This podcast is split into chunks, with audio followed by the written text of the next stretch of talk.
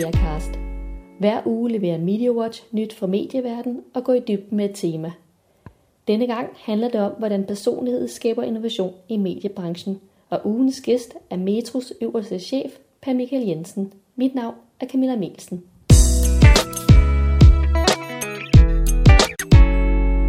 Ole Nørskov, du er chefredaktør for MediaWatch og følger mediebranchen tæt. Hvad har været de vigtigste medienyheder i den seneste uge? Egmont kom ud med et øh, fantastisk godt resultat i den her uge fra, for, for sidste år. Vi så deres tal for 2010 kom ud med et driftsresultat på en milliard. Øh, og øh, det, der bliver rigtig spændende at se, det er, hvordan Egmont vil bruge den efterhånden store pengetank, som Egmont har. Øh, der er nogle øh, spændende opkøbsmuligheder lige nu. SBS TV er til salg, Kanal Digital er til salg. Der er sikkert masser af andre ting øh, ude i et medielandskab, som jo har været, øh, med, en masse medier, som jo har været i krise øh, i de år, der, har, der er gået. Øh, vi kan jo også se, øh, at aller øh, JP Politikens Hus og flere af de andre store mediehuse efterhånden sidder på en pæn stor pengetank. Øh, så vi er nok i en situation nu, hvor vi i løbet af det næste års tid vil komme til at se nogle store opkøb og nogle store forandringer i det medielandskab, som vi jo efterhånden har vendt os til, fordi der ikke er sket så pokkers meget gennem de, gennem de senere år. Så det bliver rigtig, rigtig spændende at se, øh, øh, hvad der kommer til at ske. Det bliver en, et godt år for mediebranchen, tror du? Øh, jeg tror, det, det, det, det er svært at sige, men det bliver et år i hvert fald med store forandringer.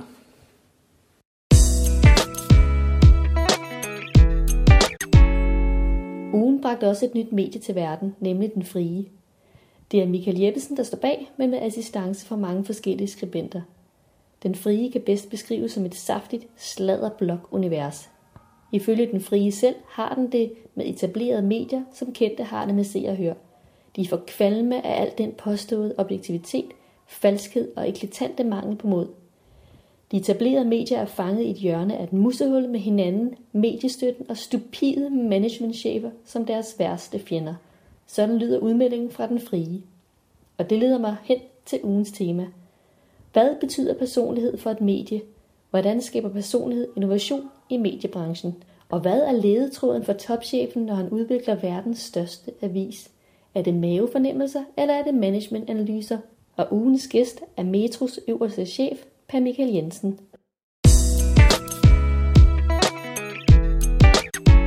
Per Michael Jensen, du har nu været chef for Metro International siden 2007. Hvordan har du sat dit præg på Metro? Jeg tror, jeg har indført et lidt andet øh, fokus end det, der var tidligere, hvor øh, øh, man kan sige, at Metro kom fra sådan en meget stærk vækstmode, hvor man hele tiden åbnede nye markeder og investerede penge osv. Og, og desværre også gav nogle ret betragtelige underskud. Øh, og min rolle var øh, at prøve at øh, vende de her underskud til et overskud, samtidig med, at vi ville investere mere forsigtigt, end vi har gjort. Det er sådan det operationelle øh, impact, kan du sige, jeg har haft, og det tror jeg egentlig er gået øh, meget, eller det er gået meget godt. Øh, den anden er jo så, hvordan øh, de mennesker, jeg arbejder med, øh, ser øh, den indflydelse, jeg har haft på Metro. Jeg håber og tror, at de synes, at det er blevet... Øh, der var en, der sagde til mig for nylig, at det er blevet lidt mere kedeligt, øh, fordi der er styr på tingene. Og Metro var en, en lidt kaotisk øh, virksomhed, hvor, hvor øh, tingene skete sådan meget hurtigt og pludseligt, og nu, nu, nu skulle vi lancere et nyt land, og der er kun syv timer til, og folk skulle flyves ind fra nær og fjern. Øh, og det er rigtigt, vi er blevet lidt mere kedelige, fordi vi har fået meget godt styr på, på øh, ret basale ting, altså processer, som er vigtige. Øh, det var Som også, for eksempel hvad? For eksempel det at have et rapporteringssystem og et forecast-system, altså et, et, øh, nogle systemer for, hvordan tror vi det kommer til at gå, ikke bare i dag og i morgen, men også i næste uge og om en måned. Der har vi i dag nogle vældig, vældig gode rapporteringsværktøjer, som gør, at jeg med en margen på 1-2% kan fortælle dig, hvordan marts ender, øh, selvom kun marts øh, lige er begyndt. Du er, du er kendt for at være en topchef, der både spænder over det redaktionelle og det kommercielle. Hvad betragter du dig dybest set selv som, som journalist eller forretningsmand? Det kommer an på, på hvilket tidspunkt af ugen du spørger mig. Øh, mandag til fredag, der er jeg helt entydigt øh, forretningsorienteret, og det jeg bruger langt det meste af min tid på er at, at styre det forretningsmæssigt. En lørdag eftermiddag, hvor jeg har tid til at læse en bog eller et magasin eller en avis, øh, så tænker jeg formentlig lidt mere på mig selv som journalist, fordi jeg elsker godt indhold og, og bliver... Øh, altså, øh, hvad skal man sige, personligt passioneret, hvis jeg læser et eller andet, som, som jeg synes er rigtig, rigtig godt. Så det er sådan, øh, det er en blanding, vil jeg sige, men med klar overvægt i, i øh, det forretningsmæssige. Når nu Metro skal udvikle, udvikles, hvad så styrende? Er det sådan mavefornemmelser, eller er det snarere Excel-ark? Øh, det er altid Excel-ark, men, men øh, nu er der ikke en knap i Excel eller i andre øh, regneark, øh, som, som hedder, hvad er din mavefornemmelse, men, men øh, det er jo med hele tiden. Altså i det hele taget, bare det, at man giver sig i kast med at lave et øh, regneark over, hvordan en given forretning kunne udvikle sig, det er jo fordi, at maven har sagt, at det her kunne godt gå hen og være en god idé. Sandheden er ikke i nogen af øh, tingene. Altså sandheden er en, en kombination af mavefornemmelser og øh, det data øh, måtte vise. Men, men øh, Metro er nok mere end mange andre virksomheder virkelig baseret på data. Så hvis vi for eksempel går ind i et nyt land eller laver en ny forretningsenhed, så, så øh, researcher vi meget mere, end, end folk måske tror på, hvad, hvordan markedet ser ud, og hvad for nogle øh, styrker vi har, hvad for nogle svagheder vi har, hvor vi kan tage markedsandele osv. osv., osv. Vi bruger rigtig meget tid på det. Men vi gør det jo kun, fordi vi tror, at, at øh, fordi mavefornemmelsen har sagt os, at der kunne godt være en god mulighed her. Har du oplevet, at dataen, datagrundlaget var forkert, når I nu rykkede ind i en land? Nej, det tror jeg faktisk. Det er en lidt anden sag, men altså, jeg, jeg har oplevet, at, øh, at jeg synes, at ting går langsomt. Jeg troede ellers, at metro gik hurtigt. så enten er jeg blevet mere utålmodig med alderen, eller også så øh, er der ting, jeg ikke gør godt nok. Men der har været nogle projekter her på det seneste, hvor jeg bare tænker, at det her har vi jo talt om fandme i tre måneder. Hvorfor er det ikke øh, eksekveret endnu? Men det er noget andet. Altså, det har sådan set ikke noget med data og mig fornemmelse at gøre. Og da du var administrerende direktør for TV2, så, blev, så satte du mange nye skibe i søen med TV2 Radio og TV2 News og helikopteren og så videre. Du blev meget hurtigt sådan et, et, et symbol på en rivende udvikling. Hvor, hvor stor betydning har det for, for en topchef at have de her visioner om, at man skal nå meget langt, meget hurtigt? Det er ikke nogen kvalitet i sig selv faktisk, fordi alle virksomheder er jo forskellige. Det job, jeg fik på Metro, var ikke at sætte alt muligt i gang meget hurtigt. Det var nærmere det, det modsatte. Øh, altså at øh, optimere det, vi allerede havde, øh, og begrænse væksten. Fordi vi, Metro var vokset lige lovligt hurtigt, og hurtigere en kassebeholdningen kunne øh, holde til det. På TV2, da jeg begyndte der, der var min fornemmelse, allerede inden jeg begyndte, efter at have læst om TV2 og markedet, med den viden, jeg havde om TV2, og jeg vil sige, det blev bekræftet efter mine første 14 minutter på, nej, 14 dage på stationen, at der var både et kolossalt behov og et kolossalt potentiale for at forretningsudvikle TV2. Øh, og jeg vil ikke sige, at det var nyt for TV2, fordi TV2 havde gjort det før. Altså før min tid var der jo startet nye kanaler og, og lavet flere ting. Ikke? Men jeg synes, at øh, da jeg kom, der var det en virksomhed, som var, der var ikke faldet i søvn overhovedet, men, men det var måske tilfreds med det, den havde nået. Og jeg synes at kunne se et enormt potentiale i øh, at udvikle TV2 og gøre den stærkere. Man skal ikke glemme, at, at øh, dengang var den økonomiske, hvornår jeg begyndte i maj 2006. Og det var sådan på toppen af en, øh, af en, af en vild optur. Ikke? Øh, og der synes jeg, at TV2 måske øh, trængte til, at der kom til at ske noget nyt.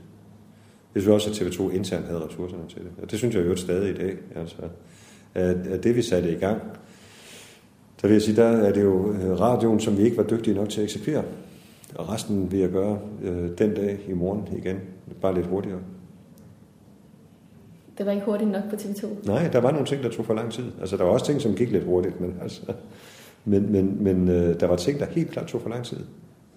Altså, lige siden jeg tiltrådte i maj 2006, der er et af de områder, hvor jeg synes, vi bevæger os for langsomt. Det var hele øh, det digitale område, altså internet.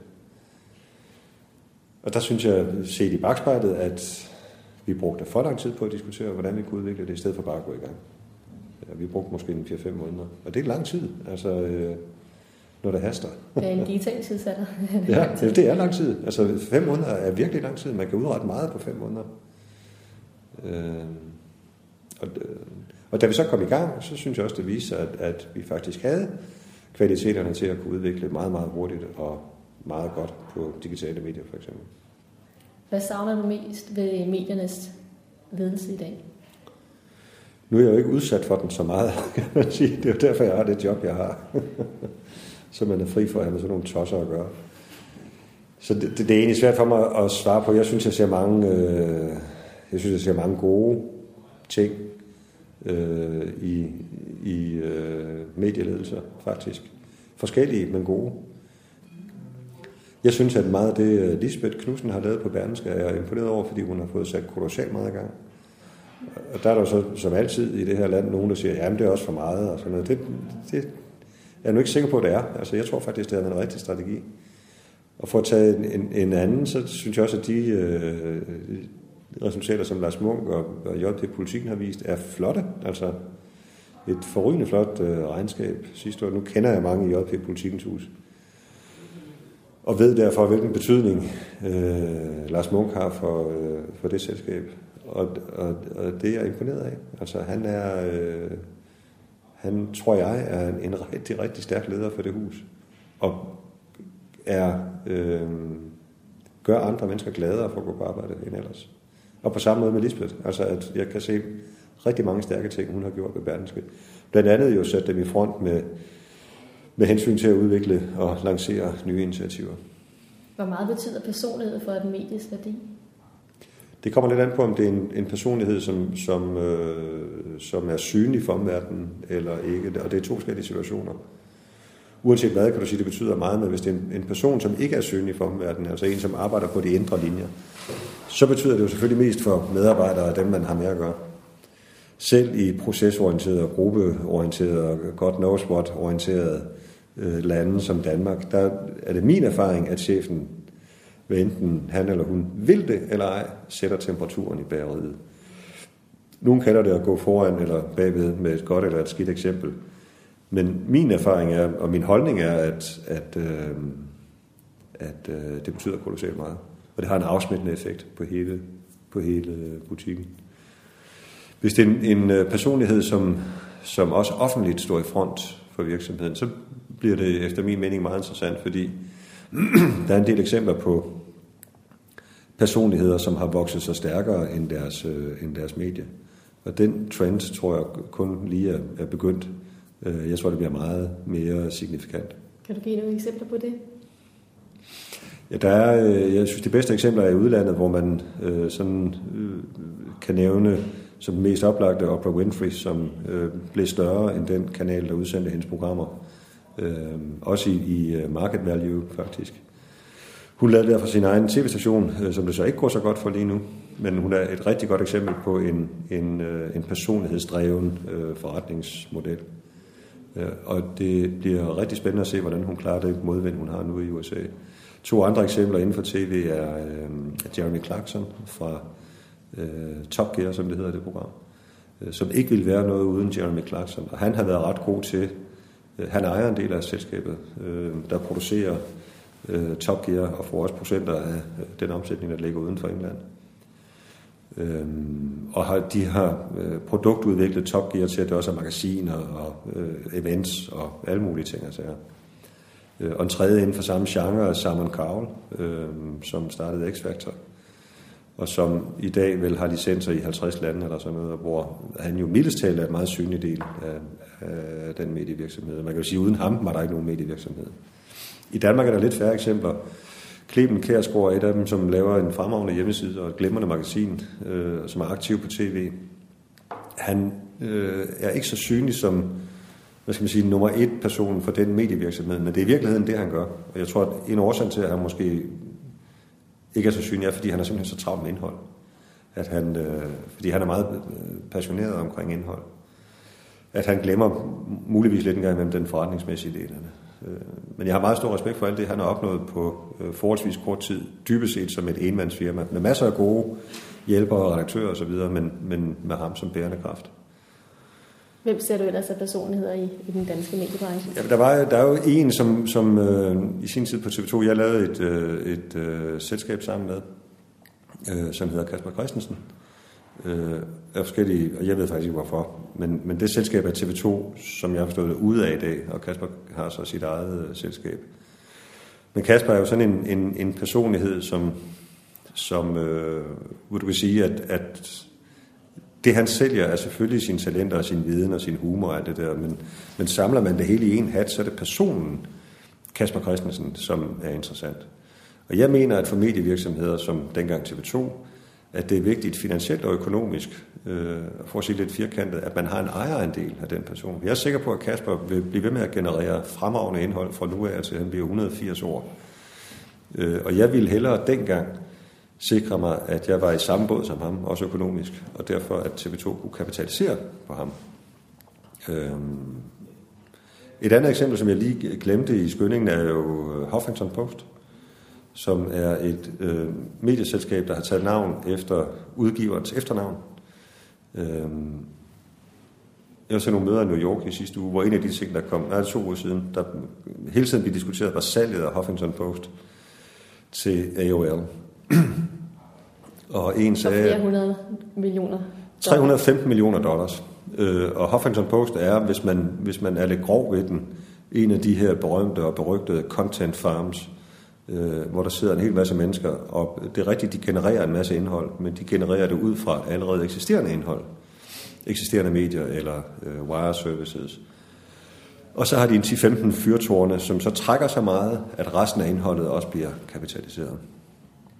Og der var en, der sagde det på en meget sjov måde, nemlig at, at hele handel mellem HuffPost og AOL var sådan et eksempel på, øh, at slavetiden ikke er ophørt endnu, fordi AOL havde givet 15 millioner dollars for øh, Huffington Post, og så havde de givet 300 millioner dollars for Ariana, som, øh, hvis ikke man kender hende, øh, var øh, en af de afgørende stemmer, eller en af de afgørende medier og platforme op til øh, det seneste præsidentvalg i USA. Og en meget stærk personlighed. Og jeg deler den betragtning fuldstændig, fordi altså Huffington Post som medieselskab er ikke ret meget værd. Du og jeg kunne lave det på et par måneder. Øh, Ariana Huffington som person er rigtig meget værd. Hvor vil vi se flere sådan nogle personlighedsdrevne forretninger fremover? Du ser det hver dag. Øh, hele blogindustrien er jo bygget op på det. Og når unge piger og drenge øh, beslutter sig for, at nu vil de læse den her blog om mode eller et eller andet, så er det jo altså 80% drevet af den personlighed, som står bag hjemmesiden. Så er der selvfølgelig funktionalitet, og er det god kvalitet og alt det der. Men nogle af de berømte, især svenske modebloggere, der har været, det er rent personlighedsdrevet. Det er en slags medievirksomhed med virkemidler fra øh, reality-tv, øh, der gør, at de her mennesker springer ud som små selvstændige medievirksomheder. Og hvordan forholder Metro sig til den her personlighedstendens, der vokser op fra neden, kan man sige? Vi prøver at tage del af den, øh, og gør det sådan set stadig. Vi har øh, i flere lande nogle meget, meget, meget besøgte blogs, blandt andet inden for mode, øh, hvor vi prøver at skabe et univers af personligheder, Øh, særligt inden for mode har vi nogle gode erfaringer med det. I Sverige for eksempel har vi en, en øh, dedikeret hjemmeside til mode, hvor der er vel en 10-12 øh, blogger, men man kan ikke, altså du og jeg kan ikke bare melde os til at sige, nu vil jeg også skrive en blog. Det er nogen, der er sat i udvalg, og som har meget høje besøgstal.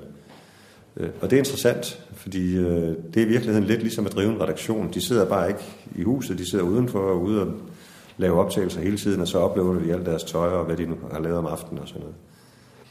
Og det er meget interessant, fordi det er, øh, det er jo en, en ny og friere form at dyrke indhold på, end den gamle, hvor man kommer ind til sit skrivebord, og så skal man skrive en artikel om, at nu har man set den og den kjole, eller hvad ved jeg.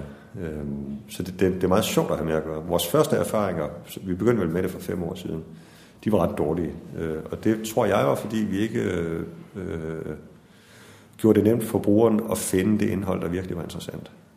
Øh, så alt havde samme værdi, kan du sige. Og det betød, at vi havde 10.000, jeg kan ikke så mange blogger, vi havde, men det var alt for mange. Man kunne ikke finde guldet nogen steder. Der var simpelthen så meget øh, andet, der blokerede.